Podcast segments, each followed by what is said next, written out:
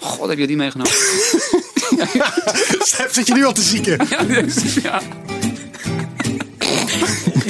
Dit is het eindejaarsoverzicht van stripjournaal.com. We blikken een uur lang terug op 2018. Mijn naam is Robin Vink. Een uur. Daar worden strips verboden uit de bibliotheek. ja, We dat hebben het is over gehad. Echt? Een knuppel in het hoenderhok Ja, gooien? Gooi een knuppel in het hoenderhok. Nu al? Graag. Ja, de knuppels van Margreet. Waar leef je van? Ja, nou dat. Dit, en- wil Joost ja, staan? Businessmodel is nog pending, zeg ik altijd.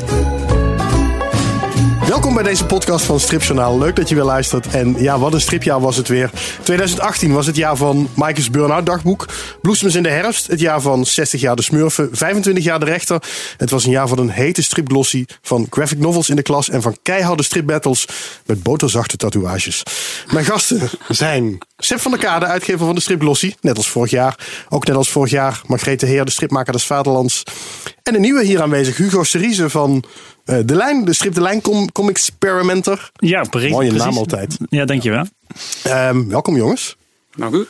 Eh, ik, ik leg even uit. Vorig jaar, eh Seb en Margreet waren jullie er. Toen was eh, Gerben Valkema erbij. Ik weet dat Gerben een trouwe luisteraar is van deze podcast. Dus ik denk, laat ik even uitleggen waarom ik hem niet uitgenodigd heb. Sorry Gerben. Nee, ja, Dat komt niet meer naar vorig jaar. Nee. Dat- nee, Gerben deed het heel goed. Maar we- waarom ik Seb heb uitgenodigd, daar komen we aan het eind van deze podcast op terug. Wat eigenlijk de voornaamste reden is dat hij hier zit. Margreet, ja, er is natuurlijk maar één stripmaker, dat is Vaderlands. Nog. Ehm, ja, nou, dat, nog twee jaar hè? Ja. En, ehm, nou ja, en, en Hugo dacht ik, eh, laat ik ook nog iemand anders erbij uitnodigen. Dus Hugo, Ik voel me Welkom. een, een mooi eh, derde wiel aan de wagen, Robin. Dankjewel. hoe was jullie jaar 2018? Eh mijn jaar 2018 was vrij eh, onbewogen en getekend door vrij weinig slaap en vrij veel tekenwerk. Ja, ik wou net zeggen, je noemt het onbewogen, maar eh, je hebt behoorlijk zitten tekenen. Ja, klopt. En ehm, is het, eh, jij zei het in het begin, de battle, was het nog, was het nog dit jaar? Ik zit even naar de te kijken. hoor. Het eind eh, Ja, op de stripdagen. Ja, ja, ja. Oh mijn god. Nou, dan was het zeker een heftig jaar, ja. Ja, ik, ik zie niks meer van de tatoeage. Nee, het is, het is langzaamaan eh, hersteld, ja. Ehm, je bent, je bent de lijn, nou, over de lijn gaan we het straks hebben. Jouw strip die, eh, die je eh, nu elke week maakt. Elke week zeven pagina's, hè? Ja, deze week was het elf. een Elf? maar, eh, ja, het fluctueert. Oké. Ehm Seb, hoe was jouw jaar? Nou, laat ik beginnen dat we de strip battle hebben aangepast nadat uh, Hugo Solis de winnaar is geworden. Hij had hem gekaapt. Eh, nou, we hebben dus een, eh, we, we hebben hem echt serieus aangepast, het concept. Iets, zag het, ja. eh, want jouw tegenstanders die, eh, werden murf geslagen door, eh, door jouw tactieken. Heb je dat echt gedaan vanwege de Eh, tactiek ik- van Hugo? Ja? Ik, eh, ik ga hier geen woord liegen eh, vanavond. Nee, dat- we, hebben, we hebben dus hier een, eh, we hebben hier een winnaar zitten die op een eh, zeer eh, tactische, maar ook uit buitengewoon slimme manier de battle heeft gestreden. Want hoe ging het ook alweer? Nou, hij heeft op het laatste moment, ik, weet- ik weet niet precies hoeveel, hoeveel uren van tevoren, maar hij heeft op een, een of andere manier al zijn vrienden, familie, neven en nichten, heeft hij weten te, tot stemmen weten te krijgen, maar ze ook weten te controleren en te regisseren. Hij heeft echt serieus een paar, nou ja, ik laat zeggen een dag van tevoren, Ja, zoiets. een dag van tevoren heeft hij gezegd van wachten, wachten en nu stemmen. Dus oftewel de twee andere kandidaten die al behoorlijk murf waren gestreden. Die dachten van nee, een inhaalrace. Ja, we zijn er bijna. We hebben Hugo. Ja, we zijn er. En op het allerlaatste moment eh, komen er hoeveel stemmen wel niet bij joh. Dat was waanzin. Ja, het, eh, de, ik noem het de tactiek van de remmende achterstand. is een, eh, een tactiek die ik uit de Tour de France eh, heb opgenomen. Zeg maar, hè. Zo lang mogelijk achter je tegenstander blijven hangen. En tot hij helemaal zijn benen leeg heeft gereden. Dan pak je hem. Ja, sorry jongens. En het maar Ralf en Giro. Hey, eh, het was niks persoonlijks. Ja, Ralf en Zero inderdaad. Die, eh, nee, maar die hadden, het, die hadden het echt zwaar. En dat is, ook daar is geen woord over gelogen. Ik ga niet voor hun eh, huilen nu, maar het, is, eh, het, het, was echt heel pittig. En zodanig pittig dat ik, het, eh, dat ik het wel degelijk heb aangepast. En de pittigheid zit hem in het feit dat eh, Hugo, eh, maar dus ook Ralf en Giro, die hebben dus drie keer mee kunnen doen. En eh, pas de, de derde Ja, keer ja, klopt. Hè, daar werd het dan definitief bepaald wie overal de meeste stemmen dan zou hebben.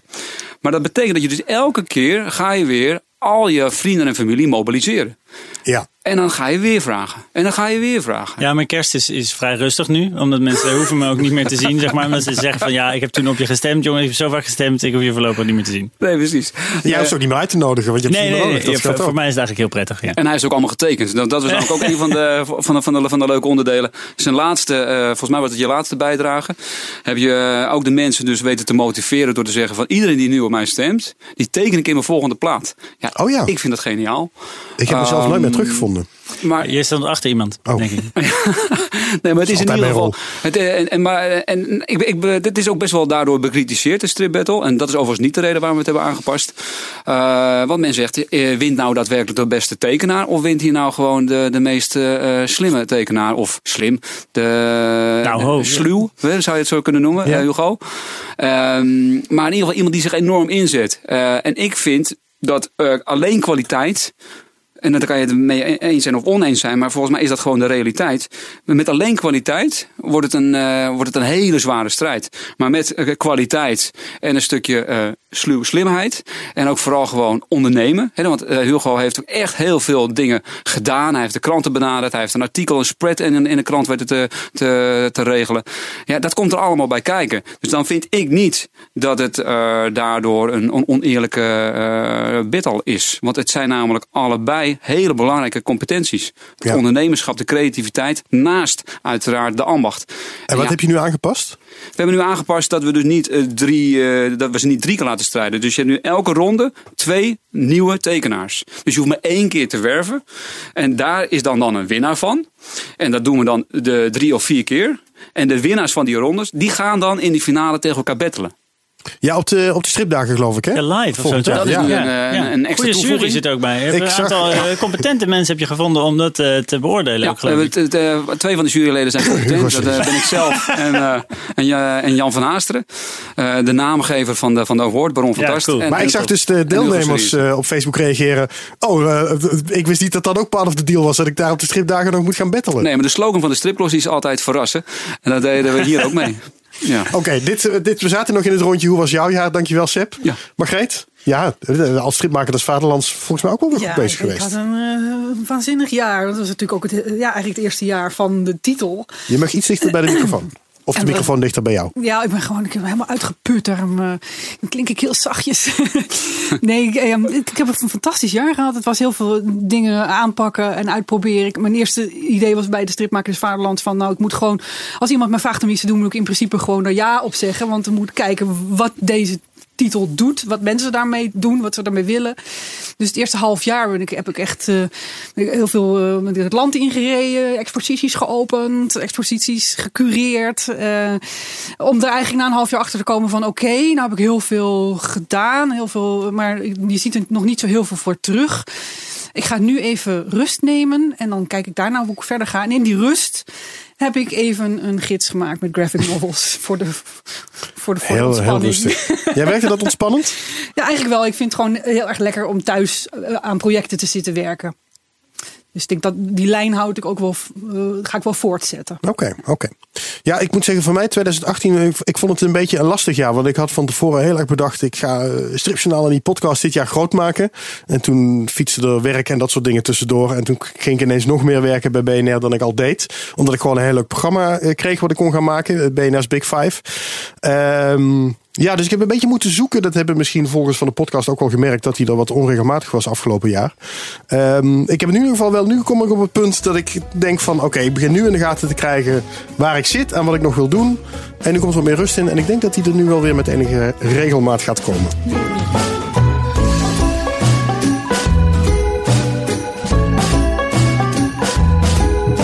Terugkijkend naar 2018, het stripjaar 2018. Eh, een aantal dingen die ik met jullie wil bespreken. Ehm, ik wil het even hebben over de stripdagen die samen zijn gegaan met de Dutch Comic Con. Ehm, even hebben over de Stripschapprijs. Wie heeft hem gekregen? Wie moet hem volgend jaar krijgen? Eh, ja, wie heeft, hem, wie heeft hem gekregen weten we natuurlijk. Maar nou ja, vinden we daarvan? Ehm, eh, ik ga niet te veel noemen, want ik ben eigenlijk bang dat we misschien niet eens allemaal gaan halen. Het Stripmuseum in Groningen dat volgend jaar verhuist. Daar wil ik het nog wel even over hebben. En natuurlijk de dingen waar jullie mee bezig zijn geweest. Laten we beginnen bij eh, de stripdagen die samengingen met Dutch Comic Con. Want daar hebben we het vorig jaar ook over gehad. Toen blikten we er een beetje op vooruit. Van, nou, is dat nou een goed plan? Ik geloof dat de consensus toen aan tafel was dat het wel een goede zet was. Nu hebben we er één gehad. Wat vonden we ervan? Ik denk dat het. Dat het uh, ik, ik, vond het zelf heel overwhelming. Het was gewoon heel veel, heel groot. Uh, zodra je de hal uitging waar de, de, de, de, de stripdagen waren. Dan de veilige je, hal? Zodra ja, de, de, veilige, hal, hal uitging. Inderdaad, waar het allemaal nog enigszins overzichtelijk was. Kom je een buiten was je echt onmiddellijk. Uh, kon je de weg niet meer vinden in alle cosplayers en merchandise. Wat ontzettend leuk en interessant was. Maar af en toe, je zag ook wel mensen vanuit die stroom binnenstappen bij de stripdagen. Zo van: wat is dit? Uh, en dan weer omdraaien. Zo van: nee, dit is niet waar we naar op zoek waren. Dus ik weet niet of dat nou helemaal Ja, of doorlopen. Is. Dat heb ik ook al gezien. Dat Ja, gewoon ja. mensen, cosplayers, ook gewoon lekker over de, de stripdagen kwamen lopen. Dat vond ik wel heel leuk. Ik had het gevoel dat er wel, kan ook meer denk ik, maar ik had wel het gevoel dat de kruisbestuiving was. Ja, ik denk dat het begin eh, er is. En, en, maar verder dat misschien de opzet van de hele stripdagen nog te veel eh, de oude opzet was. En dat dat niet, niet helemaal werkt in de nieuwe opzet. Eh, wat er allemaal rond het podium gebeurde, dat viel een beetje weg in, in, de, wat er, in, ja, in gewoon de grootsheid van, eh, van het geheel. Het podium stond ook een beetje achter in de zaal. Een beetje een soort van verdekt opgesteld. Dus niet de ja, beste het was- plek voor een podium. Moeilijk te vinden en Ja. het geluid viel denk ik wat weg en zo. Dus, ja, maar dat is natuurlijk een kwestie van gewoon eh, ja, eh, logistiek het ergens anders plannen. Maar ehm, ja. Ja, en, en er was denk ik misschien wat weinig context voor zeg maar de cosplaybezoekers tussen aanhalingstekens. Omdat je denkt van, wist nou iedereen waarom die stripdagen er waren? En eh, dat is ook een kwestie van gewenning natuurlijk. Maar eh, dat is denk ik wel iets waar nog winst te halen valt. Dat je kijkt van hoe kan je dat nog meer integreren? Weet je wel? Dat je zorgt van oké, ja, dit, dit is er. Want weten jullie überhaupt wel dat eigenlijk een hoop van die geek culture waar jullie zo fan van zijn, eigenlijk georigineerd is bij deze strips, weet je wel. Dus daar ligt een onwijs mooie kans om daar nog veel meer ook wat, misschien de historie van die intertwine die er wel altijd is geweest, zeg maar, om die te benadrukken of zoiets. Dat, dat zou, Hoe zou dat kunnen? Ja, nou ja, eh, ja, ik denk dan meteen aan een. eh, weet je, waarom niet een soort van eh, veel meer inhoudelijke expositie over, zeg maar. als je denkt aan de grote Comic Con, San Diego, weet je wel. Die, daar is ook, zeg maar, de strips zijn daar verdrongen tot een, tot een klein hoekje in. daar komt ook alleen nog maar iedereen voor de, voor de nieuwe trailer van de DC en Marvel films. Ehm, maar je kan natuurlijk best bezoekers wat meer onderwijzen. Waarom is er niet daar een soort van eh, nog meer inhoudelijke... Er was wel een expositie geloof ik toen op stripdagen. eh, van, eh, help me even, blad waar Ja, Glever heeft gewerkt en 50 zo. jaar stripschap. Ja, ja, ja, mooie organisatie is dat ook. maar daar hebben we het later vast ook nog wel over. Ehm, maar stond dat, er niet op mijn lijstje, maar kan maar dat, dat gaat dan weer heel erg over alleen maar het stripschap. Maar waarom niet veel meer over wat eh, hebben strips en eh, games en cosplay met elkaar gemeen? Weet je wel? Ik bedoel, zeg maar, Ja, al, ja. Die, al die dames die daar als Deadpool rondlopen. Of nou, dat waren vooral heren waarschijnlijk. Als eh, Harley Quinn rondlopen. Maar weet je, lezen die nog wel eens een, een, een comic erover? Ja, precies, maar het zit hem in die, eh, in, in die brugfunctie. Die Ja, crossover. ja. Het waren nu twee eilanden. Eh, maar we, Nou, niet helemaal hoor. En dat is wat Robin wel zegt. Het werd ook wel echt. eh, er- ik heb ook wel mensen gezien die daar. eh, dat er kruisbestuiving plaatsvond. Maar ik denk wel te weinig. Ja, nou ja, ik, ik denk dat het. eh, ik, vind, ik, vond het ik vond het dus wel twee eilanden. Eh, want ik heb in die, eh, in die hal gezeten. Maar ik was wel tevreden voor de goede orde. Ehm, maar dit, dit is een heel mooi begin. Alleen ja, je zat in een aparte hal. En het is wat jij nu ook net, net zelf zei, Hugo. en Margreet zegt dat eigenlijk ook al. Er, er was niet meer gedaan dan anders. Dan het, Ja. naast, het een naast het ander zetten. En dat er dan toevallig een, een transformer binnenkomt wandelen. En denkt van, hoe, wat kom ik hier nou doen? Is dit eh, de, de, de wachtruimte of eh, de ontspanningsruimte? Eh, eh, want in al die andere hallen waren ze het extreem hectisch. En, en, eh, maar ik zie daar heel veel mogelijkheden ehm, Ja. om daar eh, nou ja, veel meer nut aan beide kanten te, te verkrijgen. Ik ben ook heel blij dat het eh, in 2019 wel weer samen gaat. En Ja. dan kunnen we gewoon eh, kijken. Nu weten we hoe het werkt. dat hoe was het natuurlijk nog even de vraag. Dus, Ja. Het is de Ja. eerste keer, hè? Dus Ja. je, daar Ja. pak je gewoon eh, de learnings. Ja. Jij, Koen, je was daar met je, je eigen tank, eh Seb. Dat Ja. was wel een blikvanger van Peter de Smet. Ja. Of tenminste, de, de, de tank was eigenlijk de tank van eh, de generaal van Peter de Smet. Ehm je hebt, je had jullie allemaal gevraagd een stripboek mee te Ja. nemen. Jij hebt eh, de generaal meegenomen. Ja. Ehm, het is je eigen boek, nou ja, vooruit. eh, in de zin van, het Ja, is je bij jou uitgegeven. Nee, eh, dat is waar. En ik had, ik had het je gevraagd van, wat wil je meenemen? Toen kwam je met die, toen dacht ik, ja, het is wel je eigen boek. Moet ik, Hij is moet ik nou, sluw, hè, die Sepp. moet ik nou, moet ik nou ja? of Nee, ik denk, nou oké, voor nu, voor deze ene keer nog, Sepp, zeg ik ja. Ja, nou ja, Ehm, kijk, omdat dat- ik het ook een hele leuke strip vind namelijk. En, en, en het is natuurlijk, een, natuurlijk zit je altijd met een dubbele pet. Weet je? Eh, We zijn uitgeverij Personalia en de striplossie. Eh, en ik zit hier nu als eh striplossie. Dus ja, weet je. Oh, eh, dat trek je uit elkaar. Dat trek ik uit elkaar. Nee, maar zonder gekheid. Ik- Je gaat eh, een, zoiets als eh, eh, de generaal ga je uitgeven. Waarom? Omdat je dat een geniale strip vindt. Dus op het moment dat je inderdaad dan aan mij vraagt van wat vind jij het, het album? Nou, dan wil ik het wat breder trekken. Wat vind ik de strip die zeker gememoreerd moet worden. En waarvan ik het verbijsterend vind dat dat 15 jaar lang niet is gebeurd. En dat ik de kans dan krijg als nieuwkomer binnen de stripwereld de generaal te mogen uitgeven. Dan vind ik inderdaad dat ik hier deel 1 en deel 2. Oh, ik heb toch twee boeken meegenomen. Deel 2 is ook, ja. Eh, en Vooruit. twee zwaargewicht hier op tafel mag hebben. Weet je? En, eh, Hoe gaat het dan? Daar ben ik wel benieuwd naar. Want je zegt dat ik nu als nieuwkomer in de relatieve nieuwkomer in de stripwereld dit mag uitgeven. Hoe komt dat dan op jouw pad? Eh, ja, dat gaat altijd eh, natuurlijk heel veel geluk. En, en geluk, dat dat dwing je deels af. Ehm, met mensen praten, met leuke mensen praten. En een van die mensen is Dick Matena geweest. Waar we gewoon eerder een bommelglossie hebben gemaakt. in, in 2012. En, en vanuit daaruit kwamen we in gesprek. Eh, over onder andere Peter de Smet, wat een hele goede vriend is geweest van, eh, van Dick Matena. En ehm, nou ja, inmiddels had ik ook al een paar stapjes gezet met de stripglossie eh, een paar jaar geleden. En toen kwam ik Marielle Sormani tegen en die liep met het idee van een, van een biografie te maken van Peter de Smet. Maar daar was ze al een aantal jaren mee bezig. En hoe ze dat vorm zou kunnen geven. En toen ik dat hoorde, eh, toen hebben we heel snel de koppen bij elkaar gestoken. Want Dick had gezegd, is dat inderdaad niet iets voor jou om dat te doen? Ik ken de dochters heel erg goed. Eh, zal ik je daar eens introduceren? Toen ben ik met de dochters eh, in eerste eerste instantie met Sanne de Smet gaan, gaan praten. En dat was een klik. En dan hoor je van nou ja, wat er allemaal is gebeurd of wat er vooral niet is gebeurd de afgelopen 15 jaar. Eh, en dan ga je je verdiepen in de strip. Want ik kom niet uit de stripwereld. Dus ik kende, ja, sorry, ik kende de generaal wel qua naam. Maar ik kende de strip niet echt qua, qua humor. Ik eigenlijk, oh ja, ik ben wel een stripliefhebber. Maar de generaal voelt voor mij net een beetje van voor mijn tijd. Of ik was als, als, ook. als zo, kind. jong- zo ja, jong ben jij. Ja, eh, dank je. Ik, ik was als kind iets meer georiënteerd op de, de, de Belgische strips ook. En de Suske en Wiske Kuifje, dat soort dingen. Dus de generaal heb ik een beetje gemist. Maar nou ja, en, ja, en, en- ik snap het wel en, ook jij, eh, als, eh, als, een, als, een, als een jonge god, eh, hebt de, de generaal omarmd. Ik vond het fantastisch, ja. Ja. Nou, dus dat, dat is de reden. ja. En, en, en hoe komt het dus tot stand? Dat is inderdaad toevalligheden. Maar vooral ook een open mind. En je hebt eigenlijk Dick Matena voor je laten bemiddelen, om het zo maar te zeggen. Geweldig. De man is 75, maar die, die, die werkt nog steeds helemaal aan het schompers. Ik had er graag bij willen zitten, denk ik. Om te kijken hoe dat, hoe dat gegaan was. Dat is omdat hij vergeten zijn pensioen op te bouwen, volgens mij. Ja, misschien eh, wil de studie nog een factuurtje voor het advies wat hij heeft Ja, gegeven. ja, ja. Als hij slim is, doet hij dat Ja. wel. Maar ja. Ja. ik weet niet of Dick Matena heel commercieel ingesteld is. Ja, ik weet het wel. hè. Hmm. Nee. Mag ik een knuppel in het hoenderhok Ja. gooien? Gooi een knuppel in het hoenderhok. Nu al? las, eh, De knuppels van Margreet. ik las laatst een column ergens in de stripglossie geloof ik. En die zei van, ja leuk al die, al die heruitgaven van al die oude strips. Maar helpt dat de stripwereld nou echt vooruit? Al dat terugblikken. Moeten we niet, hè, moeten we niet juist voort met nieuwe strips? En dit ziet er prachtig uit. En ik, vind het ook, ik, vond- ik vond het ook, ik heb ook erg omgelachen om de, om, de- om de generaal. Maar ja, het is natuurlijk gewoon weer de nostalgie weer eh, Ja, eh, verkopen. Ja, kijk, ik ben er sowieso eh, van mening dat het, dat het heel vaak en-en is. Ehm, en ook hiervoor is mijn visie hierop. Wel, ehm, het is en-en. Eh, Het een maakt het ander mogelijk. Eh, dit is inderdaad, ik heb die column uiteraard gelezen, want het staat in de stripglossie. Maar de, Van wie was die eigenlijk? Geen Van- idee. van- nee, Er- er kunnen twee mensen geweest zijn. Robin Hij of was Ger. niet van mij, toch? Nee, dan is, dan is het Ger Apeldoorn Kijk. geweest.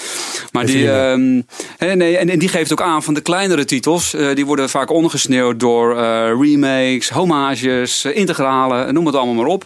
Maar ja, die zijn wel broodnodig eh voor het financieren van andere, eh, misschien wat risicovollere projecten.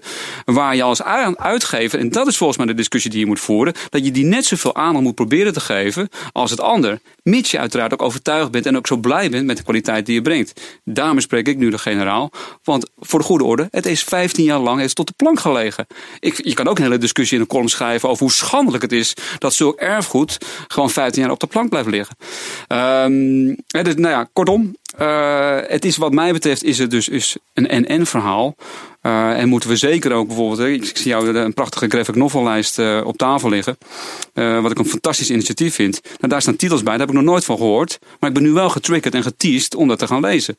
Maar ja, nogmaals, daar kan je niet alleen van leven. Weet je, het, het een moet wel het ander mogelijk maken. Nee, duidelijk verhaal. Ik vind het en, en een goede insteek. Ja. En dat jij binnen de stripwereld nog nooit gehoord hebt van enkele titels die op die lijst staan, zegt misschien dan ook wel iets over de promotiecapaciteiten van de, deze en gene uitgevers.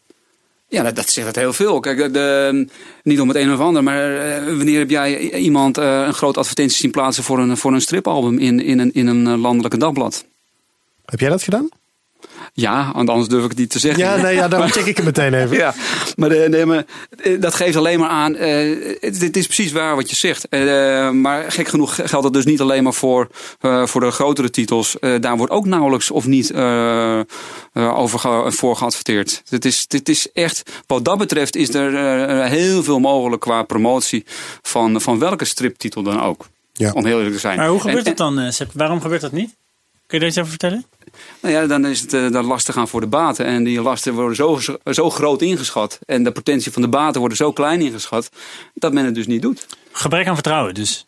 Dat, zou, dat, dat is denk ik voor deel. Dus het, het is ook altijd maar een, een deel van de, van de doelgroep die je. Uh, je mag het namelijk niet generaliseren, natuurlijk, Hugo. Maar die, uh, oh, het woord generaal uh, terug laten Ja, komen. precies. Heel mooi, dankjewel. Um, maar die, dus een deel daarvan van die uitgevers zal inderdaad zo denken. en een ander heeft gewoon, denk ik, hele goede tijden meegemaakt waarbij het niet nodig was. Ja, ja, ja. ja. en weer een ander is volgens mij gewoon een slechte uitgever. Oké. Okay, um, Mic drop. ja, hier ga ik dan mooi een soort uh, pingeltje tussen zetten. Ja.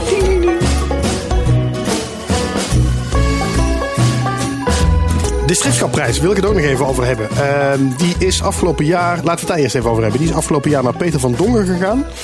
Uh, die zag ik eerlijk gezegd niet aankomen, maar ik snapte hem wel toen ik hem zag. Wat vonden jullie ervan? Ik vond het leuk.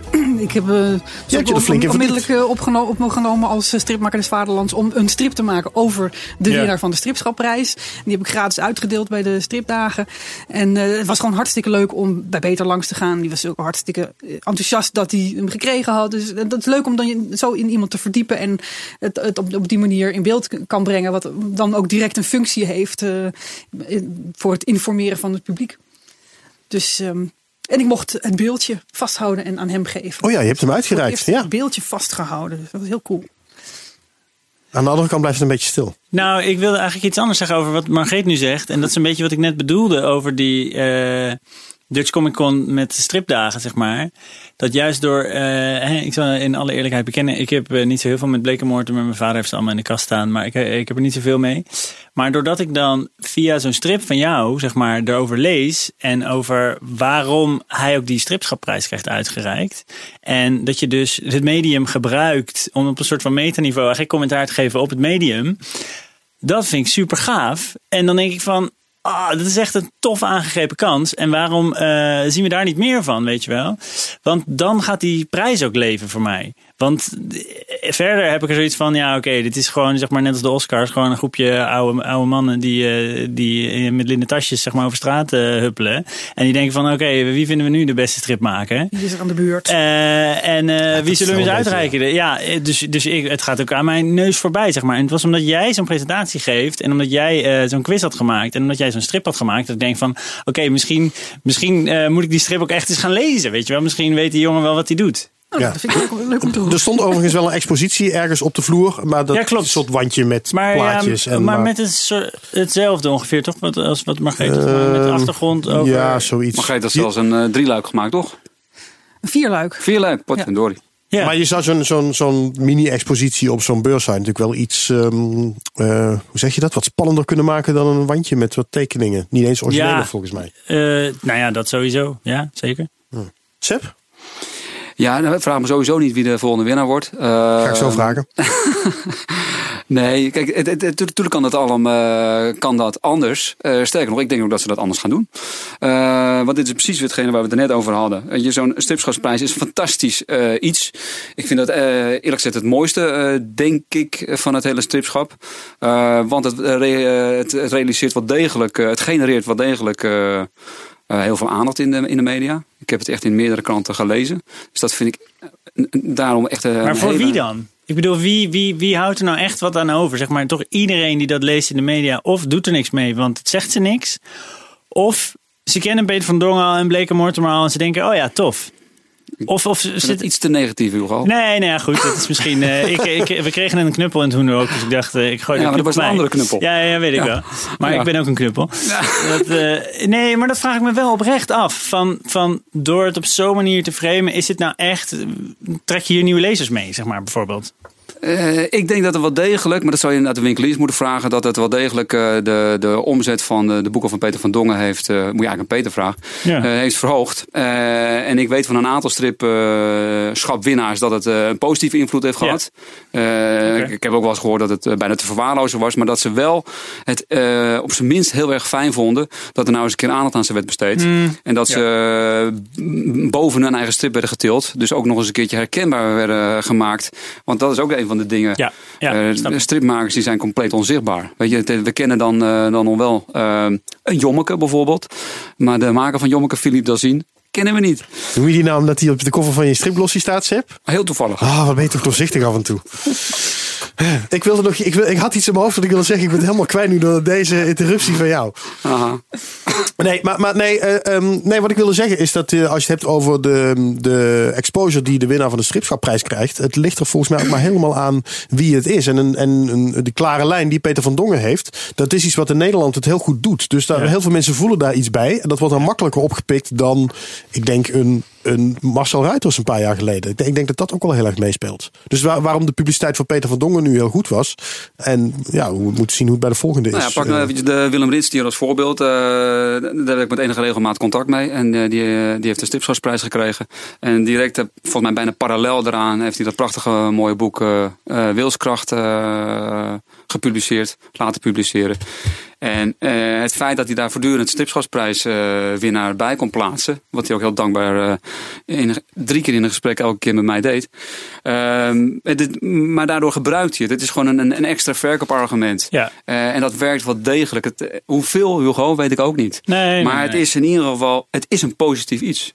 Ja, ja nee, dat er nog ik. veel meer kan en, en moet gebeuren, ben ik helemaal met je Ja. eens. Wie moet volgend jaar de stripschapprijs krijgen? Of, of wie, wie zou hem kunnen krijgen? Doe eens een voorspelling. Eh nou, September begin ik gewoon bij jou. En dat is wel aardig zeg. Oh, je. pak je gewoon Eh, terug, hoor. Kijk, als Margreet Heer niet als stripmakers des Vaderlands eh, zou zijn, dan... eh, hè? Even Zo. wachten. Nog even wachten. Ehm nou ja, weet je, de, god, wat waren ook weer de criteria, Robin? Want daar hebben we vorig jaar ook over gehad. Ja, daarom vind ik het dus altijd een ingewikkelde prijs. Is het nou een oeuvreprijs of niet? Ja, het is het eigenlijk het- niet. Maar het, is, het gaat uiteindelijk wel om iemands hele oeuvre. Ik heb het gevoel dat iedereen op een paar na wel een keer aan de beurt komt. Ehm, Ja, dus- ja, en, het pro- ja. en het probleem is, ik weet dus echt, eh, echt niet wie het allemaal al hebben gehad. Ehm, kijk, ik kan natuurlijk al een aantal favorieten van mij opnoemen, die, eh, wat ik geweldige tekenaars vind.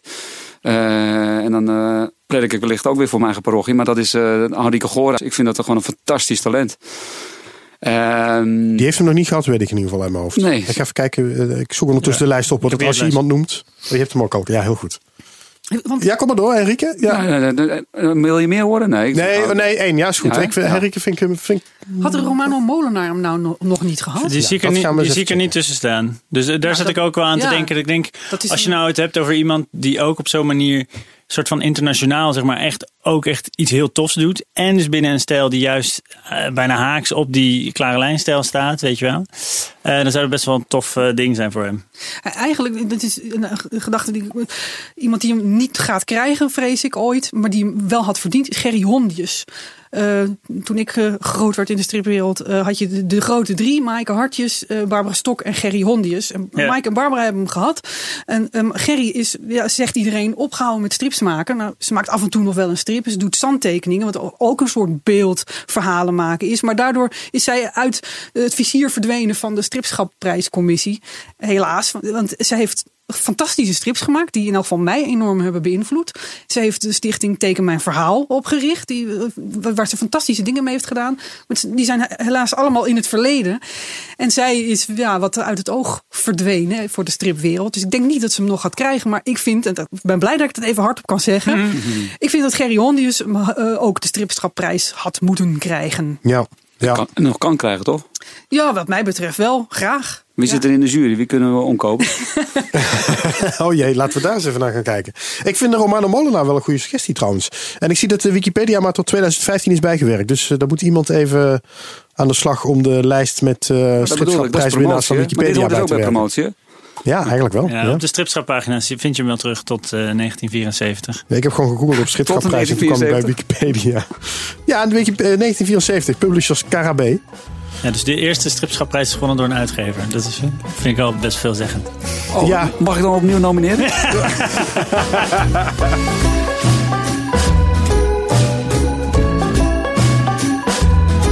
Iets ook van dit jaar waar ik even bij stil wilde staan is ehm, eh, Stan Lee die overleden is, ons ontvallen is. Hugo, ik denk dat jij daar het meest over kan zeggen. Uh, hij is dood. nee, ja, Nee, maar, eh, ja, eh, wat valt erover te zeggen? Eh, twee dingen. Net zoals, eh, kijk, ten eerste, ja, hij was natuurlijk een soort van ook de laatste van, van zo'n soort generatie die, die die strip zo groot had gemaakt. Een heel flamboyant persoon die de superheld op, op een bepaalde manier op de kaart heeft gezet. Wat mij altijd wel een beetje. En niet alleen mij, maar wat veel mensen ook wel een beetje tegen de haren kan instrijken, is dat eh Stanley eigenlijk al zijn karakters een soort van eh, had bedacht achter op een bierveeltje en de rest werd door die tekenaars gedaan. En eh, Ja, dat hij, voor alle grote namen toch eigenlijk? hij, eh, hij werd dan eh, nu weer gelauwerd als eh, de bedenker van, eh, van Spider-Man en dat soort dingen. Terwijl dat was natuurlijk eh, niet helemaal zo. En wat ik. Wie heeft het dan wel bedacht? Hij heeft het samen met Steve Ditko bedacht, die natuurlijk altijd tekenwerk deed. Eh, een beetje de eh, Bill Finger, eh, Bob Kane discussie. Maar, ehm, eh, en ja, ik ben zelf gewoon heel allergisch voor als iemand eh, doodgaat op, eh, hoe oud was? Eh, 153 geloof ik. En dat iedereen zegt, eh, oh, wat een tragisch lot dat hij ons is ontvallen. Dat ik denk, ja, ja, ja, op een gegeven moment gaan mensen dood en, en, en, dat gebeurt. En volgens mij kende je hem niet persoonlijk, dus automatisch was het volgens mij niet voor jou.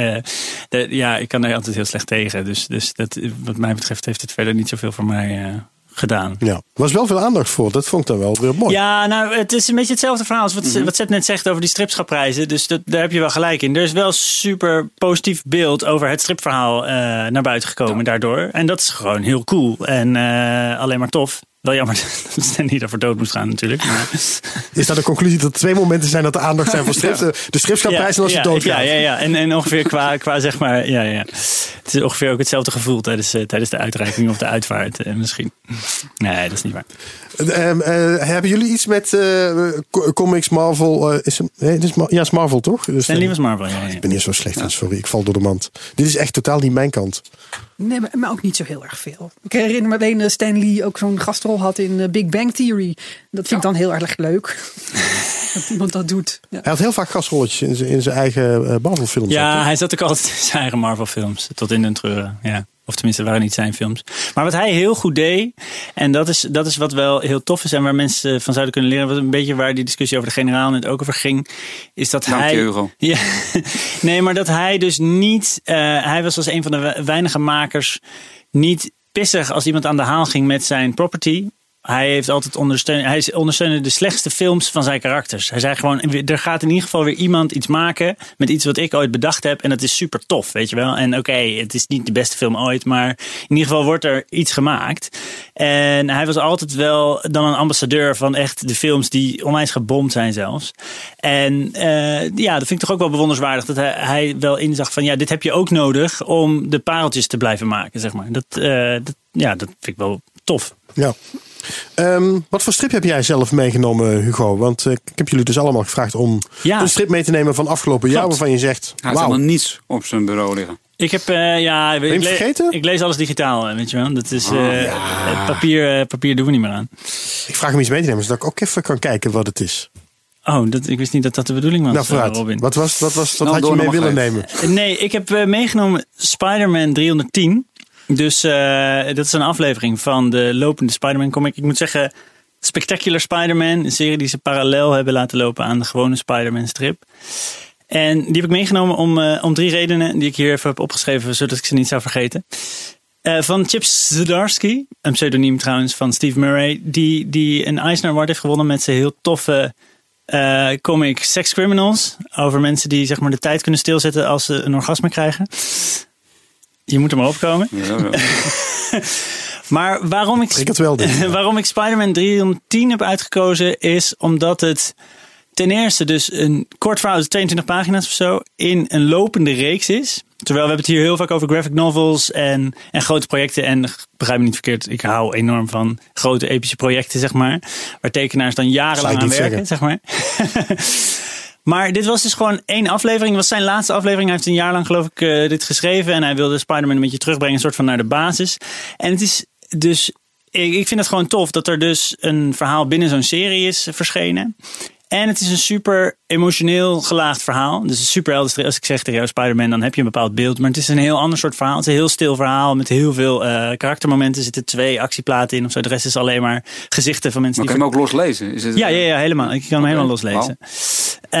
Um, en het zijn gewoon mensen die vertellen over wat Spider-Man in hun leven heeft betekend. En wat eigenlijk de essentie is van Spider-Man. En hij, uh, nou ja, het gaat over een jongetje die uh, eigenlijk op stakeout stond tijdens een misdaad. En Spider-Man besluit dan om hem niet over te dragen aan de politie, weet je wel. En dan blijkt dat eigenlijk wel een goed jongetje zijn. En dan uiteindelijk is het eigenlijk een heel tragisch, tragisch verhaal. Maar dat betekent voor mij dus dat je dus in 22 pagina's uh, een mooi gelaagd verhaal kan vertellen. Wat je aan het denken zet over wat het betekent om een held te zijn. Om mensen te helpen. Om mensen niet te helpen en over hoe complex het leven is, zeg maar, in zo weinig, in zo weinig uh, pagina's.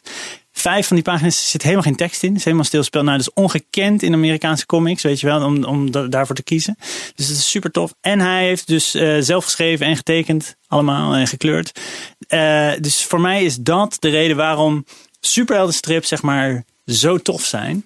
en vond ik een heel mooi voorbeeld daarvan. Dus die heb ik hier symbolisch meegenomen. En is dit makkelijk te krijgen in Nederland? Of moet je hiervoor echt even nou ja, ik zou dus- zoek... Dus, nou, je kan hem wel, uh, denk ik, laten bezorgen bij een stripshop in de buurt. Als je daarheen gaat die zegt, hey, mag ik, uh, kan je die voor me bestellen in Amerika? Maar ik zou je echt aanraden om hem gewoon op de Marvel Comic app te downloaden en te lezen. Dat werkt gewoon. Oh, dat kan ook. Oké. Okay. Ja. ja. dat wil ik je net vragen. Want je zei, ik, ik lees veel online. Kan, kan dat goed? Ik, ik ja. kom nog niet zo heel veel... Nou ja, als je dus een Marvel app hebt, dat scheelt natuurlijk al. Ja, in, of in um, Comixology of zo. Maar als je gewoon naar marvel.com gaat hebben ze zo'n digital shop. Hier kan je hem kopen. Ja, dan ga ik eens zoeken. Add to cart. Kijk.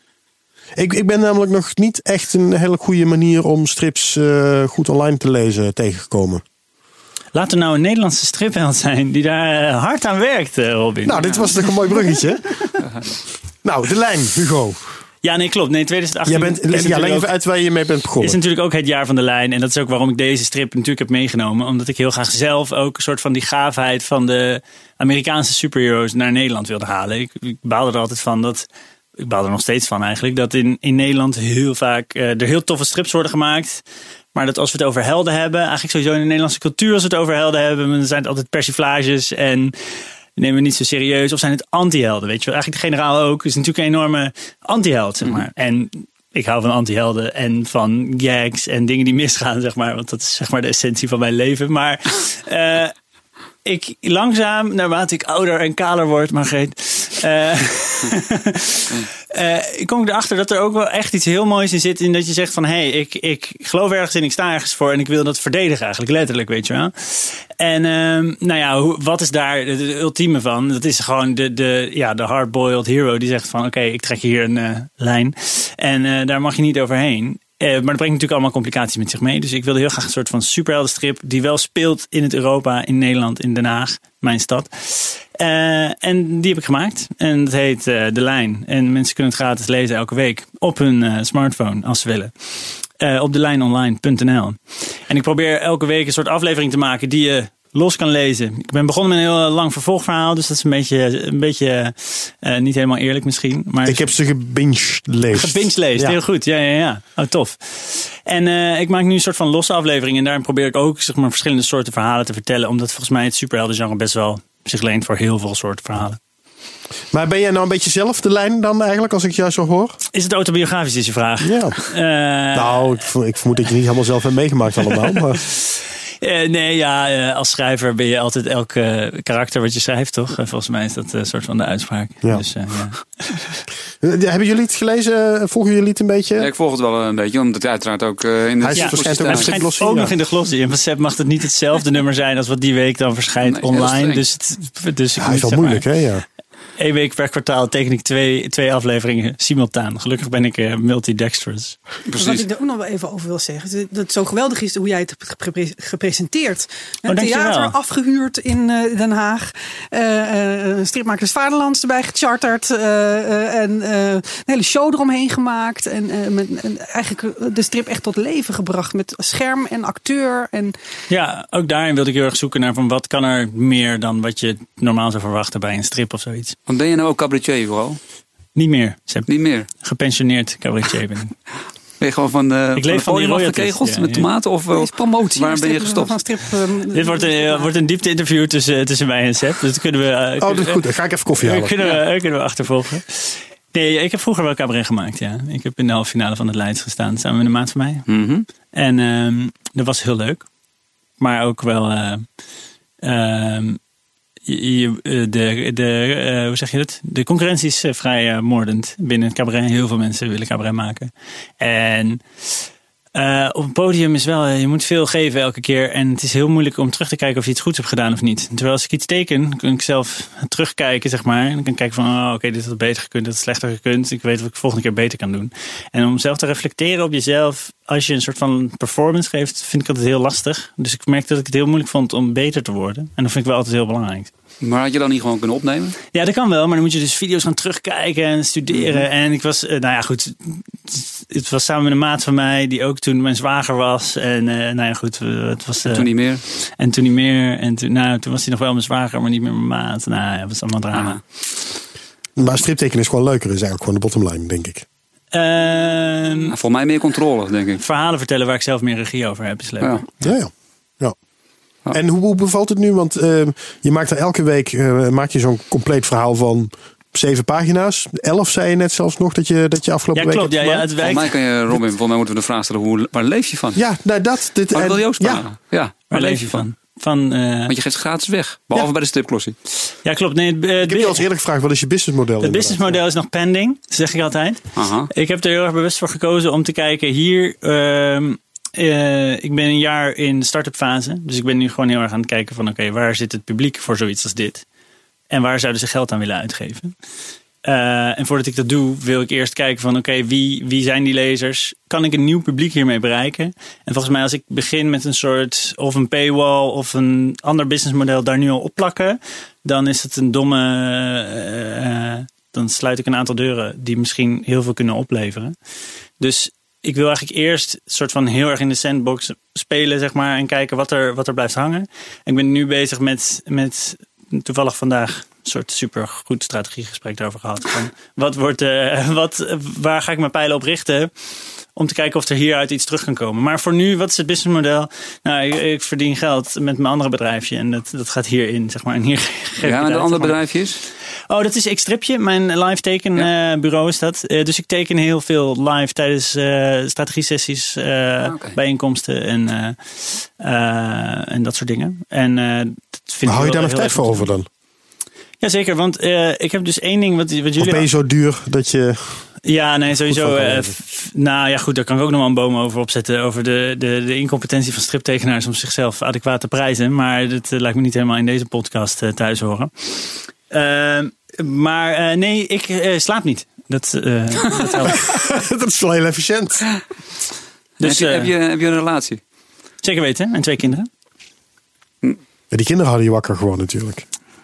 Ja, vanochtend maakte ze. Nee, ik heb vanochtend echt. Ja, dit is even niet zo heel veel met de podcast te maken. Maar ik moest vannacht echt een all-nighter maken. Dus ik ging zeg maar om, om eh, half vijf slapen. En toen. eh, en mijn vrouw moest, moet werken. Dus ik moet altijd op dinsdag de kinderen naar school brengen. Maar toen ben ik heel even gaan liggen. En dat was een domme zet. Zeg maar. Dus toen werd ik wakker gemaakt door mijn moeder. Die op de kinderen kwam passen. En verwachtte dat ik onze oudste naar school zou brengen. En toen was het één groot drama vanochtend. Als ik zeg maar autobiografische stripjes over het ouderschap zou maken, zou het een hilarisch autobiografisch stripje zijn geworden. Oh, dat klinkt goed. Maar misschien kan ik hem aan Rob eh, van Barneveld doorsluizen. Kan hij, dat, eh, hij doet het nu eh, over zijn dochter en zo. Hij En hoe, hoe heet je kinderen? Vinden ze leuk?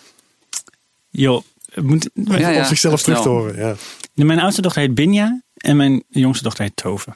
God, dan zouden we toen weer de vraag moeten stellen van, eh, hoe kom je aan die naam? Hoe heet jouw kinderen, Sepp? Ruben en Aaron. Bijbelse namen. Daar komen ze vandaan. Oh. En hoe heet jouw katten, Margreet? Ronja en Loesje. Oh, nou, hebben we alles gehad. Ik heb eh, helemaal niks thuis, dus... Nee, ik heb, ja, een vriend, maar dit, die, geen... Heet die, Heeft er ook een naam? Ja, dat is waar. Nee, maar geen, geen kinderen, katten, dat soort dingen.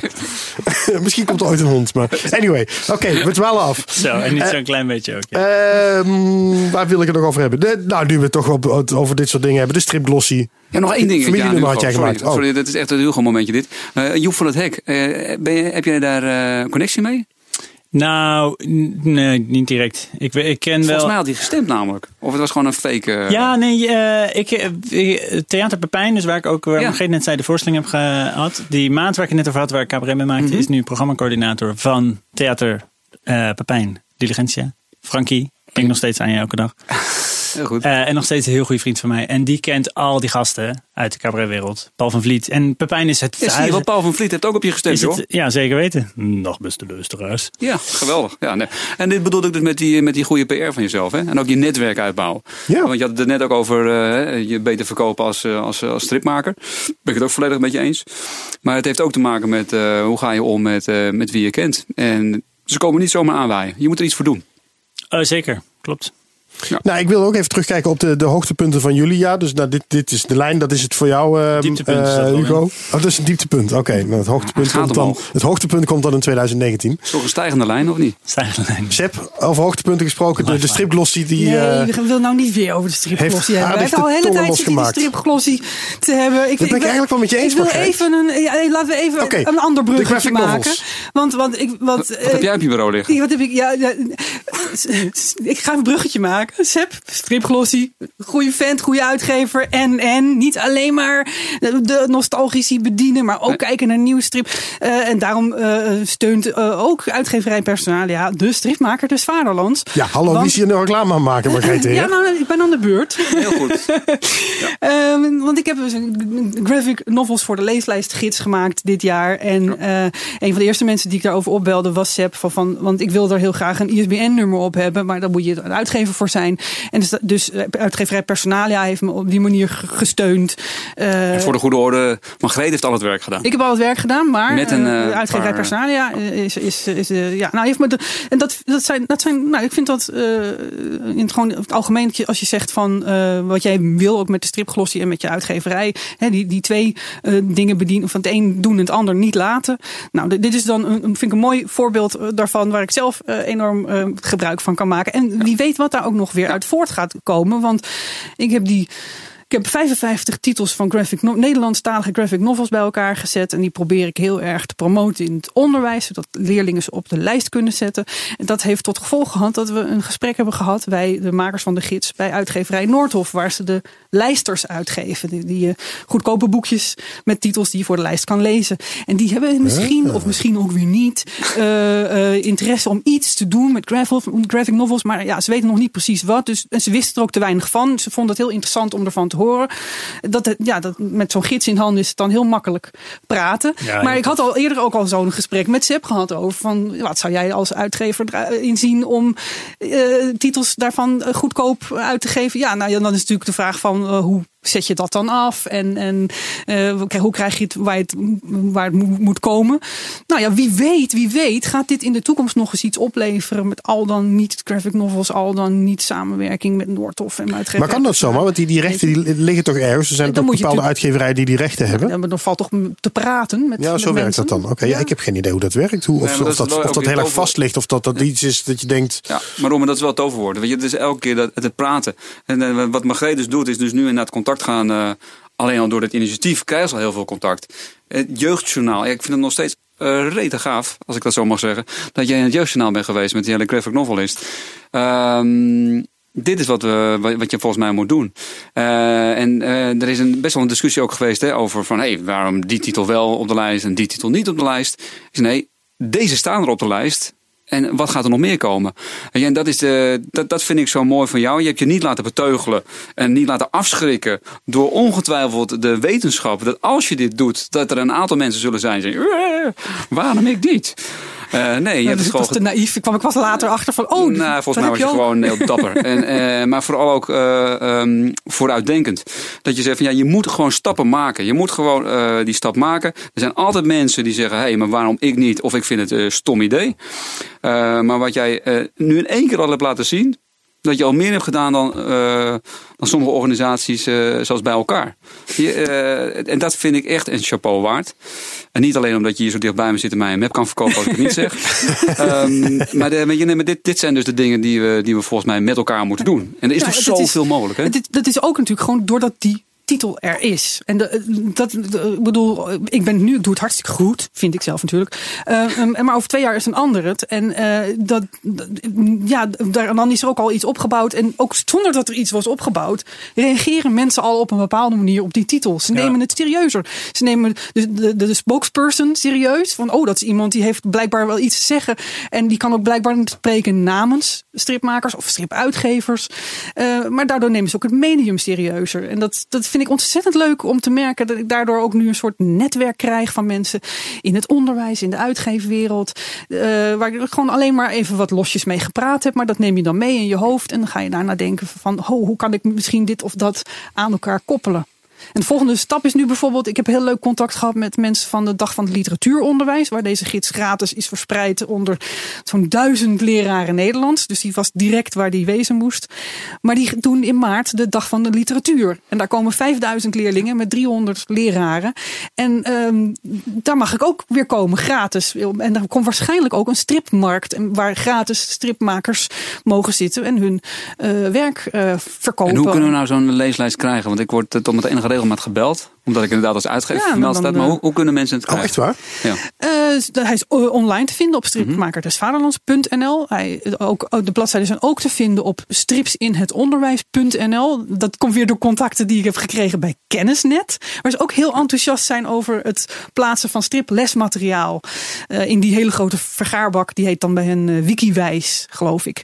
En eh, ja, die hebben voor mij eigenlijk nog zonder dat ik erom had gevraagd... de URL strips in het onderwijs eh, voor me klaargezet. En daar zitten, eh, daar zitten alle dingetjes die ik al als stripmaker des Vaderlands had aangeboden gratis op de site. Dus als ik het over twee jaar niet meer ben, stripmaker des Vaderlands... dan staat alles wat ik gemaakt heb nog steeds bij stripsinhetonderwijs.nl. Zo, nou, dat is wel genoeg reclame van die, van die sites. Maar ehm, En fysiek? waar ging ik Nou heen? ja, Nou ja, fysiek. Ja, als nou, je dat ja, een fysiek exemplaar ja, hebt. ehm, fysiek kunnen ze bij de uh, dichtstbijzijnde striphandel langs gaan. Want eh Ron, Ron, Poland, Ron Poland heeft ze allemaal ook Oh, meegenomen en verspreid. En zelfs in België, eh, geloof ik. En eh, anders moeten ze me even mailen op uh, info.margreteheer.com en dan stuur ik er eentje op. En het, kan de ook, voorraad Gratis. Gratis, gratis. Ja. Ongelooflijk. en het kan ook via stripmakerdersvaderlands.nl, zeg ik erbij. Want ik ben zelf, zit ik in de stichting die de stripmaker des Vaderlands ondersteunt. Dus ik, ik krijg af en toe dit soort mailtjes binnen. Ja, ik, het is Ja, gewoon allemaal één grote incestbende hier. Ik zeg het maar gewoon zoals het is. Gesponsorde uitzending. Ja. Ehm, eh, we vragen er trouwens wel een tientje voor, eh Margreet, inclusief verzendkosten. Moet ook een Dus beetje uit de als kosten je- komen. Ja. Als je Margreet mailt, krijg je hem gratis. En als Ja, je Robin mailt, dan je een blijkt. tientje betalen. Mooi is Ja. dat. We hebben het weer lekker op elkaar afgestemd. Dan weten we dat maar ook weer. Wat ik, wat, ik, wat, wat ik wel heel leuk vond, is dat, dat die zie ik dus binnenkomen. En die, die stuur gewoon nog regelmatig door naar jou, Margreet. eh, mailtjes van eh, mensen uit het onderwijs, leraren Nederlands. Die zeggen, hey, wat een leuk initiatief. En ik wilde eigenlijk al best lang iets met graphic novels doen. Maar eh, ik wist niet zo goed wat. En eh, leuk. En, En de reguliere boekhandel, hè? Want, want ik Ook word een dus paar, gebeld ja. dus door reguliere boekhandel. Ja, ik dat ook, is ook iets wat een- Stevens in Hoofddorp. Ja, ja. precies. En, en Dekker van de Vecht in Nijmegen heeft Nou ja, en mij als je stripmaker vraagt van wat wil je met je strip? Ja, ik wil ook verkocht worden in de reguliere boekhandel. Nou, bij deze, weet je, dat is dus gewoon hartstikke goed. En komt er ook nog iets voor gewone strips, eh, Margreet? Want we hebben het nu over de graphic novels. En dat is dan ook vaak strips. altijd... eh, Ja, dat noem ik dan maar even zo. Dat, dat wordt vaak dan ook gezegd. Oh, zijn het weer die graphic novels? Wat is eigenlijk een, eh, een graphic novel? Ja, nou, dat, Ja, het is wel hebben een we hele nog mooie paar definitie uur- gebruikt voor de, de, deze ja, gids. de, de, de, de definitie die wij hebben gebruikt voor graphic novel is. Lees een, pagina eh, drie. eh, ja, ik, ik heb een strip over. De, wij we hebben het met z'n drieën gemaakt. eh, eh, Bas Schulleboom, eh, Willard Mans en ik. En we hebben alle drie een andere definitie. Ik heb de vage definitie genomen. eh, een gelaagd verhaal eh, ver- verpakt in dwingende beelden. Bas Schulleboom kwam met. het gaat om dat het verhaal. Dat de hoofdpersoon een, ontwikkeling doormaakt en dat het verhaal wordt gestuurd door, de ka- karakterontwikkeling. En Willard zegt van, ehm, ik stel mezelf de- dezelfde vraag bij, die ik stel bij kunst. Is het origineel vormgegeven? Is het een origineel verhaal? En denk je er later nog eens over na? En verder hebben we gewoon ehm, aangehouden dat het minstens 60 bladzijden moest zijn en geen onderdeel van een serie. Puur om ons te beperken, want eh, er zijn er best wel veel. En wat zeg je tegen iemand die eh, zegt, ja, ik voldoe aan deze voorwaarden, maar ik sta niet Ja. op de lijst. Wat Ja. zeg je dan? Sorry. Eh, Erik Heuvel staat er niet Jammer, op. En dat is natuurlijk eigenlijk heel erg, want die hoort daar ook heel erg bij. Maar- En daarvoor heb ik eigenlijk de overweging gemaakt dat ik. Had hij gebeld dan? Nee, hij was bij de presentatie en hij was heel heel lief. En, en, en, eh, maar ik wil nog, ik heb nog plannen met hem, omdat ik strips in het onderwijs in een, eh, ook nog meer wil, specifieker wil promoten. En zijn, dan kan ik natuurlijk met hem nog veel meer kanten uit met, zijn, eh, met zijn series. Dus dat is, dacht ik van nou dan, dit is puur voor de literatuurlessen binnen eh, Nederlands onderwijs. Wat trouwens ook een enorm ondergeschoven kindje is in het hele onderwijs hoor. Dat is, eh, dan kan je in de stripwereld zeggen van eh, we zijn, dat zijn we toch klein en worden we niet gezien. Maar literatuuronderwijs, dat is ook echt zo. Van dat wordt ergens nog in een hoekje Ja. nog bedreven en, en afgeraffeld. Dus ehm, Ja, zo is er inderdaad overal wel wat. Er zijn al allerlei sectoren die allemaal denken dat ze niet gezien worden. En ik, ik denk dat we als stripwereld ook wel een beetje van het Calimero-effect af moeten. Van, oh, niemand ziet ons en niemand wil aandacht aan ons besteden. Kijk, kijk hoeveel respons je krijgt op zo'n gids. Dat, is, dat, dat, geeft je- mij het gevoel dat er heel veel mensen zijn, ook buiten de stripwereld, die best wel interesse hebben in strips. Ja, ja, zeker in het onderwijs. Leraren zoeken toch heel erg naar materiaal wat leerlingen eh, aanspreekt. En ehm, nou, ik denk dat bij de literatuurlijst dat er nu een hele mooie eerste stap gezet is. En wie weet waar dat nog gaat, toe gaat leiden. Maar de volgende stap die ik wil doen is een, een, gids maken voor breder strips die je in het onderwijs in kan zetten. Bij geschiedenis, bij aardrijkskunde, bij de exacte vakken. eh, want er, daar zijn er ook heel veel van. En, en om dan op dezelfde manier gewoon elke strip of stripserie een, een eh, pagina te geven en uit te leggen wat er, hoe je die in de klas kan gebruiken en er wat voorbeeldvragen bij te leveren. En dat dan weer bij de scholen zien te krijgen. Dat, dat is eh, mijn volgende project. Als we toch in deze hoek zitten, ik heb jou ook gevraagd om nog een strip mee te nemen. Er ligt een eh, Yes. behoorlijk dikke pil eigenlijk eh, voor je. Yes! Uh, T-Pex Andy. En die eh, klinkt ongeveer zo. Twee kilo. Ja, die voel je wel. zwaarder, ja. Zwaarder Ja, dan ik vind, hem echt ik vind dit echt een mijlpaal in de Nederlandse stripgeschiedenis. Zo niet in de wereldwijde stripgeschiedenis. Het is 562 bladzijden. Nou ja, dat, dat gaat natuurlijk niet om kwantiteit. Maar dit is wel volgens mij het grootste, dikste stripboek eh, sowieso in Nederland. Wat er ooit uit is gekomen. Maar ook gewoon qua inhoud. Eh, het is eh, zo knap gedaan. In tien hoofdstukken van elk meer dan 50 bladzijden. Die zijn, die zijn alle tien in een andere stijl getekend. beha- Behandelen een ander onderdeel van eh, het leven van Andy Warhol. Nou, ik heb eigenlijk niks met Andy Warhol. Vind het maar een, een, een rare een hoekje van de kunst. Wat daar eh, is gebeurd met wat, wat, wat hij in New York heeft gedaan. Maar ik heb hem echt aan één stuk doorgelezen. Nou, niet aan één stuk door. We hebben er echt wel eh, Ja. tien dagen over gedaan. Ik heb hem samen met mijn man gelezen. eh, op, op scherm. Want ik kreeg de, de schermversie van de uitgever nog voor het boek uitkwam. En ja, je, dan, je gaat er zo in zitten. Je leest één deel. En dan krijg je zoveel informatie. En, en op zo'n leuke manier gebracht. En mooi getekend. En, daarna zijn we dan, hadden we zoiets van. Oh, maar dan moeten we ook even opzoeken wie eh, nou precies die Edie was. En dan ga je naar YouTube. En dan vind je er leuke filmpjes over. Dus je- dus je krijgt een enorm. Ja. Maar normaal gesproken had je dus dit boek dus niet gepakt op basis van de inhoud. Als ik het goed begrijp. Ehm, nee, ik denk dat ik een paar jaar gewacht had. ja. Hoe- Eerst even gehoord wat anderen ervan vonden. ja, maar Ja. hoe komt het dat jij hem wel hebt gepakt? Omdat ik uh, T-Pex sowieso op, op de graphic novel lijst wilde hebben. Nou, Ja. dan was Rembrandt natuurlijk de titel geweest. Die heb ik gelezen uh, een paar jaar terug. En die, nou, die, was, die is ook heel goed. Ja, die is ook goed. Maar ik had op de lijst zelf hadden we ook Vincent natuurlijk al staan van. Uh, van Barbara Stok en de Vincent van Gogh van Teun Berserik. Dus dan heb je al een paar graphic novels over uh, ja. een Nederlandse schilder. We hadden ook Hieronymus natuurlijk van Marcel Ruiters. Ja. Dus ik dacht van, nou dan is wel weer een Nederlandse schilder erbij. En ja, dus ik, heb, ik dacht van, ik kan altijd even vragen bij Scratch ja. of ik hem al mag lezen. En dat mocht. En toen dacht ik, nou dan moet ik hem gewoon ook wel uh, erbij hebben. En zilver op snee, hè, is het ook nog. Het is prachtig uitgegeven. En ja, hij de is ook- zijkant is helemaal zilver, hij ja. komt tegelijk uit in, in verschillende buitenlanden. Dit is dus ook meteen iets wat, wat eh, internationaal een enorme splash maakt. Heel veel, ik zie allerlei verschillende tekenstijlen als ik hem doorblader. Dat vind ik wel heel mooi. Ja, en dat, dat is. Van één en dezelfde tekenaar. Ja. Ja. Ja, het is echt. eh, Bij sommige dingen denk je echt van: wauw, hoe, hoe heeft hij dat voor elkaar gekregen? Er zit zoveel in, zoveel verwijzingen naar de strips die Andy eh, Warhol als kind zelf las. Die Amerikaanse eh, krantenstrips uit de jaren 20 en 30. Weet je, Dat, dat, dat is, heeft ook een bepaalde feel. En, en Typex weet dat gewoon in, zo'n, in zijn eigen strips in te tekenen. Ik vind dat zo knap. Is dit nou met subsidie of zonder subsidie hier tot stand gekomen? Geen idee eigenlijk. Hij heeft er vijf jaar aan gewerkt, eh, fulltime. Dus, eh, dus er moet al ergens geld vandaan. eh, Ik kan me haast niet voorstellen. Dat het zonder subsidie is. Maar ik kan me ook eh, niet voorstellen dat hij ergens Dat subsidie voor, voor vijf jaar gekregen heeft. Want dat soort Nee, zoveel want geld dat is gewoon zitten tekenen zonder dat hij er geld voor, eh, hij, hij is ook niet voorgepubliceerd bijvoorbeeld. Dus Nee, nee. nee ik, ik, ik, ik blader even in een colofon om te zien of daar iets bij staat. Maar ik kan het niet vinden. Oké, ik ehm, Ja. ehm, even door naar het laatste. ehm, wat ik nog wilde behandelen, waarvan ik dacht, dat ben ik toch benieuwd wat jullie daarvan Mag ik nog één ding zeggen over Ja, mag- Andy eh, van eh Typex wat eh Ja? Margreet net zegt? Dus dat hij dus verschillende tekenstijlen gebruikt die iets zeggen over Andy Warhol. En die iets zeggen over die fase in zijn leven. Dat is dus waarom het echt een strip moet zijn, weet je wel, zo'n boek.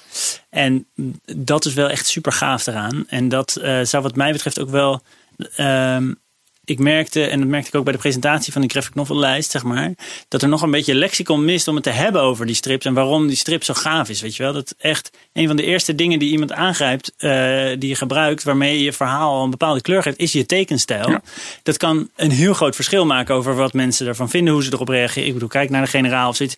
Het is gewoon al een hilarische tekenstijl, weet je wel. Dus je gaat daarmee al in een bepaalde hoek zitten, zoals een schrijver ook een schrijfstijl heeft.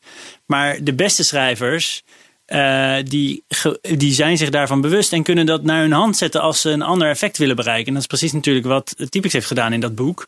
En dat is wel iets waar, als je nou zo'n boek gaat lezen, ook in de klas of zo, weet je wat, dat, dat, hoe tof zou het zijn als leerlingen het daarover hebben, over dat soort dingen. Zo van, oh ja, hij gebruikt die verschillende tekenstijlen omdat ze iets zeggen over dat leven, een beetje zoals jij dat nu zegt. Dat is toch kicken? Dan heb je super gelaagd, dan heb je het echt over gelaagd kunstonderwijs. Dat vind ik echt gaaf. Maar dan ben je een beetje striptheorie eigenlijk, eh, be- bedoel je, zou erbij Ja, ja, dat, nou ja, goed. Ja, ja, ja. Je kan de Andy ook fantastisch gebruiken inderdaad. Bij, eh, hoe heet dat nog lessen CKV tegenwoordig? Ja, dat bestaat nog wel. Ja. Ja, dat, eh, ook- daar kan ja, je verschillende lessen aan wijden. Dat is wel een kunstzinnige vorm. Ah. Ja, staat er oud voor. hij heeft toch ehm, kinderen, dat zei hij net.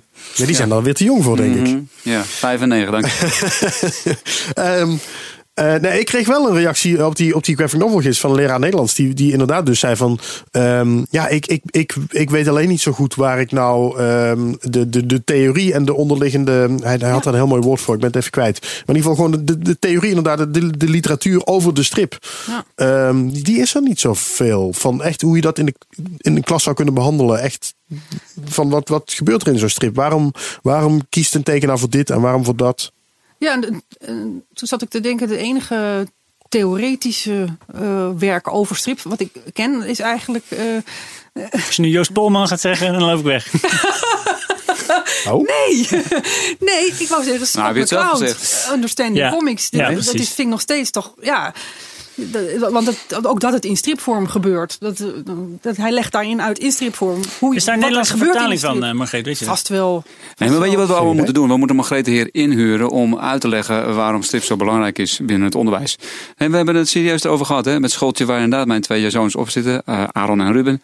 En die, de- nee, maar dat je daar dus uitgenodigd kan worden om daar een presentatie Ja. te geven. Want ik heb het daar met je over gehad. Daar worden strips verboden uit Ja, de bibliotheek. toch- ja, Daar dat hebben we het is over echt- gehad. Ja. Toen was jij zelfs nog een beetje... Oh. echt- Noord-Groningen? Dan hebben we een missie. ja, ja. Al niks over Groningen, behalve het plaatsje waar ik woon. Maar het is echt eh, dat je denkt van ja, dit is, hoe kan dit? Hoe kan dit? En, en toen heb ik met jou inderdaad de afspraak gemaakt. En dat gaan we zeker nog een keertje doen. Ik kom graag langs. Daar Ehm, voor. Laat Margreet gewoon haar verhaal doen. Nou, jullie horen allemaal nu in deze uitzending. Ze kan goed praten. Ze weet precies wat ze wil. Eh, dus laat ze ook die onderwijzers en vooral ook die ouders die erachter zitten. eh, in ieder geval waar, eh, waar mijn zoontjes dan op zitten. eh, kennis maken met het medium strip in al zijn facetten. Want het is een, je brengt er een soort mijn, mijn, mijn, eh, mijn, mijn die heeft, eh, die had wat moeite met lezen. En inmiddels die strips die eh, overal, geloof het of niet, overal liggen bij ons in de kamer. ehm, is, heeft hij gewoon weer de plezier teruggepakt met, met lezen. Nou, je hoeft niet natuurlijk het hele, een heel verhaal nu te gaan vertellen over het bevorderen van, van, van leesplezier. Maar ik zie daar wel degelijk een ongelooflijke mogelijkheid. En dan terugkomend op jouw opmerking, Robin. Dus die instructie van hoe, hoe bed je dat in en wat, hè, hoe maak je er, hoe geef je er een explicatie aan. Dat moet Margreet doen. Tijd genoeg. Ja, tijd genoeg. Je wil twee jaar, ja. Aha. Wat heb jij tegen Joost Polman, eh, Gon? Nee, hij heeft zo'n boekje geschreven, de stripprofessor. En dat, dat vind ik gewoon geen goede theoretische uiteenzetting van hoe je strips leest. Dat is, Nou, dan moeten we daar nog op wachten tot die er een keer is. Een echt goede theoretische uiteenzetting. Ehm, Maar dan moet je wel de, nee, nee, nee, dan moet je, heel kort, in twee zinnen kan je zeggen wat er dan niet aan deugt, volgens jou? Ehm, nou, dat het heel vaag is. Gewoon, hij is duidelijk een woordenman. Dus hij, hij, nou ja, ik kwam er niet uit wat hij nou bedoelt. Oké, dus de boodschap ontving je. Ja, Alright. Ja. Joost, je bent welkom in de volgende uitzending. ja, deel 2. We kan die Ja, ook maken van de cool. stripprofessor. Ja. Mag je het uitleggen? Ja. Ehm, volgend jaar bestaat. ehm, ik ga even vooruitkijken naar 2019. Volgend jaar bestaat Asterix 60 jaar. Wordt waarschijnlijk groot feest met een film uit. Ik sta me een beetje af te vragen. ehm, want er is laatst een, een, een beetje een, een vreemd interview verschenen met uh, Uderzo. In een Franse krant. Die toen zei van. eh, ja, als ik er niet meer ben, dan moet, moet Asterix maar een keer stoppen. Eh, terwijl er net een nieuw team op is gezet. Ehm, en toen kwam dan ook nog een beetje de vraag: wie heeft eigenlijk de rechten? Want de familie, de familie van Corsini heeft ook nog een deel van de rechten. Ik zie jullie allemaal een beetje uitgaan hier om me heen. Nee, nee. Ik Oh, ben, Ik had het eh, gevoel dat Asterix ik al, dood niet. was toen Coscini dood was eigenlijk. Ik, ja, en ik, ik wist niet dat het nog steeds doorging. Ik ben ergens vorig- afgehaakt vorig bij de mixen. top, eh, topreactie. Ja, nou, dat is, Margreet, vind je dat Asterix nog bestaat? Ik dacht dat hij al tien jaar gestopt was, dat het niet meer bestond. nou, ik weet, ik weet, je had op een gegeven moment een, vreselijke Asterix waarin aliens voorkwamen. Toen Ja, werkte, het was zeker niet de beste. toen Nee. werkte ik volgens mij nog bij Lambiek. Daar werd dus actief mensen afgeraden om hem te kopen. Van, van dit, moet- dat moet je echt jezelf niet aan willen doen. En toen heb ik een aantal jaar geleden heb ik nog de Picton zelf wel aangeschaft om te lezen. Ik dacht van nou, eh, Schotland, ik heb altijd wat met Schotland gehad. En dat was ook zo slecht en vol gemiste kansen. En, en, en werd het wel weer bejubeld op, op bepaalde voorraden. Ik denk van, leg dat nou eens naast de, de, de vroege Asterixen. En, en dan, dan, hoe kan je dat nou zeggen van dat het dan nog goed is? Ja, ik... Nee, ik, ben, ik ben dol op Asterix. Hoe, hoe kijk jij daarnaar als uitgever? Want ik kan me voorstellen dat er misschien een uitgever achter zit die wel denkt van nou, eh, laat die nieuwe Asterix maar komen, want eh, dat levert wel wat op. Ja, dat is misschien wel heel erg plat wat ik nu ga zeggen. Maar eh, kijk, zolang het verkoopt, dan, eh, dan heeft het blijkbaar een doelgroep. Ja. Ehm, en eh, en mag, het is Margreet haar goed recht om te zeggen, ik vind, het, ik vind het niks. En dan moet je inderdaad gewoon stoppen met lezen. En dan hoop ik dat je misschien nog eens een keertje weer eentje erbij pakt. En misschien aangenaam verrast wordt. Dat weet ik niet. Ik heb de laatste Asterix Nobelus ook niet gelezen. En ook niet gekocht. Maar ik heb wel zoiets van, ja, als, als, het, als het voldoende centjes in het mandje oplevert, waardoor je, zoals eerder gezegd, ook andere dingen kan doen, die dan weer een andere doelgroep, de, de Margreets van deze wereld, eh, misschien wel aanspreekt, dan is dat een hartstikke goed iets. Maar dan is er dus blijkbaar een moment in het leven van een stripserie waarin het omslaat van briljant en ontzettend leuk om te lezen naar uitgekoud, maar nog wel interessant voor de verzamelaar en, en als je maar lang genoeg doorgaat voor de mensen die er nog nostal- nostalgisch over zijn. Zonder dat het dan kwalitatief nog zo goed is. Ja, nou, la- laten we vooropstellen. Ik bedoel, ik heb het niet gelezen, dus ik kan niet beoordelen of dat jouw eh, label die je er nu aan geeft, of dat die klopt. Ik heb wel meerdere geluiden gehoord die het wel met je eens zijn, voor de goede orde. Ehm, maar dat is dus iets. Weet je, is het, eh, het, blijkbaar is er een doelgroep. En ik kan me niet voorstellen dat het alleen maar een doelgroep is die het koopt omdat, om, om een reeks compleet te hebben. Die zijn er dus wel, hè? heel veel zelfs. Maar niet zoveel. Dat een uitgever zegt, "Oh, dan ga ik wel door. En eh, datzelfde geldt ook natuurlijk met Suske en Wiske. Weet je, de, ik, ik ken genoeg mensen die roepen. eh, vanaf het moment dat Willy van der Steen er niet meer was, eh, eh, was waren de verhalen niks meer. Ja, weet je, ik, ik heb zoiets van, nou ja, nogmaals, het zijn de, de, de verkoopaantallen die, die aangeven of dat iets doorgaat of niet aan doorgaat. En daar mag iedereen het zijn over vinden. Het doet me ook denken aan het hele Netflix. Systeem. Van, eh, de- de- de- dat, dat je tegenwoordig series hebt en die zijn dan briljant in de eerste drie seizoenen. En dan moet het door en dan moet het door. En dan zie je bij seizoen 4 en 5 dat het eigenlijk. Dan zie je het ineenstorten. En de meesten redden het ook niet na seizoen 7. Dan vraag je, moet je inderdaad afvragen waar, waar stop je dan met, met een. Nou ja, om, om, om, om daar gelijk op in te haken. Ik, eh, ik las eh, vanochtend eh, de Zonne 5300. Eh, een eh, column van Stefan Nieuwhuis, als ik het goed heb. En die uh, haalde ook um, Alex Dragonetti, de, de grote baas van uh, Ballon Media, haalde die aan dat, uh, dat zij drie succesvolle meende Stefan Nieuwhuis, succesvolle, hij vond ze niet of hartstikke leuk, stripreeksen heeft gestopt omdat het onvoldoende verkocht. Ja. Uh, en Stefan had ook zoiets van, ja waarom? Weet je, het verkoopt toch nog genoeg? Nou ja, weet je, de, klinkt altijd heel erg flauw, maar dan moet je dus zorgen dat je de baas bent van Ballon Media. Om te zorgen dat het ge gecontinueerd wordt. Het is dus blijkbaar niet genoeg. En um, natuurlijk heb je er ook een strategische keuze in. Want er zijn ook uitgevers die niet zeggen en en. De discussie die we net hadden. Die zeggen wel degelijk, het moet minimaal zoveel opleveren. En anders stoppen we het. He, dus, daar, daar, he, dus ik snap nogmaals het punt van Stefan uh, zeker. Uh, maar dan denk ik ook weer, geweldig toch? Er is misschien weer een kans voor uh, kleine uitgevertjes zoals uh, Sepp van der Kade met Personalia. Ik snap, de, ik snap de kant van de uitgever ook wel. Misschien Goed. dat ik het meer vraag, van, afvraag van de, van de kant van de makers. Waarom heeft Uderzo niet meteen na de dood van Coscini gezegd van ja, nou ja, dit was mijn briljante scenario schrijver. Deze samenwerking was geweldig. Ja. Uh, nu hij er niet meer is, stop ik ermee. Nou, Stop maar dat op je hoogtepunt. Het is nou ja, maar dat is wat jij er net ook aangeeft, uh, Robin. Uh, Uderzo, jij zegt dat er ergens in een, ja, toch nog heel even de, over die, want jij zegt dat Uderzo zegt van als ik er niet meer ben, dat stopt. Ja, dat heeft hij laatst in een interview met uh, Le Monde of Le Parisien ja, of zo gezegd. Dat suggereert in mijn, uh, in mijn boekje dat het precies is wat Margreet nu, waar, waar Margreet op doelt. Dat hij zegt van, ik vind het dus nu nog wel voldoende kwaliteit, want ik ben er en ik waak erover. Ja, de tekenkwaliteit neem ik dan aan dat hij bedoelt. Nou, dat, dat, dat, weet ik dus niet. Weet je, nee, dat, dat, daar is ja. het verdomd interessant om u daar nou ja, aan tafel te hebben. Maar ik heb ze in ieder geval wel gelezen. De, ik, ik, vond de, ja, ik hoop het. Ik ga me uitnodigen, Seb. Ja. Ik vond um, de laatste verhalen van Uderzo, die waren inderdaad niet, uh, niet uh, heel goed uh, om die alien waar jij het over had. Dat was niet zoveel soeps meer. Met dat nieuwe duo dat er nu drie heeft afgeleverd, vond ik de eerste wel aardig. De tweede vond ik echt wel weer goed. Gewoon bijna ouderwets. En toen waren de verwachtingen voor nummer drie natuurlijk heel hoog gespannen. En die viel toen eigenlijk best wel tegen. En was een van die drie de Picton? Want ik, ja, dat was de eerste van dat nieuwe, dat nieuwe duo. Nou, die vond ik wel aardig. Nog zin om, om... Beter dan de laatste uur zo in ieder geval met die alien. Oh, ja. Goed, stop op je hoogtepunt, zei ik daarnet. Ja. Laten we dat doen. Um, Dankjewel jongens. Ik vond het leuk. Um, Seb, ik had aan het begin gezegd, uh, er is een reden dat jij uh, hier nu weer zit. Daar moeten we het even over hebben. Um, vanaf de volgende podcast die ergens in januari komt. We moeten even een datum prikken. Uh, ja, jij zit er eigenlijk voortaan altijd bij. Jij wordt ah, mijn co-host. Ik krijg een testperiode. Tot aan de zomer, ja. ja. Even kijken hoe lang ik het uithoud met jou. Het ligt er een beetje aan. Als jij alleen maar stripblossie en personalia blijft zeggen... dan lig je er ook heel snel weer uit. Dat bedoel ik, ja. Of dat is gewoon jouw bedoeling. Ja, dat is gewoon jouw bedoeling om, om een 2, 3 podcast gewoon zoveel mogelijk je eigen merk te droppen. En dan heb jij uh, je moment weer gehad. Bedankt. Uh, nog, het nog één keer, uh, Robin. Dank voor het luisteren. En ik wens jullie allemaal een heel prettig nieuwjaar. En veel strips lezen. Dankjewel jongens. Jij Tot volgend jaar.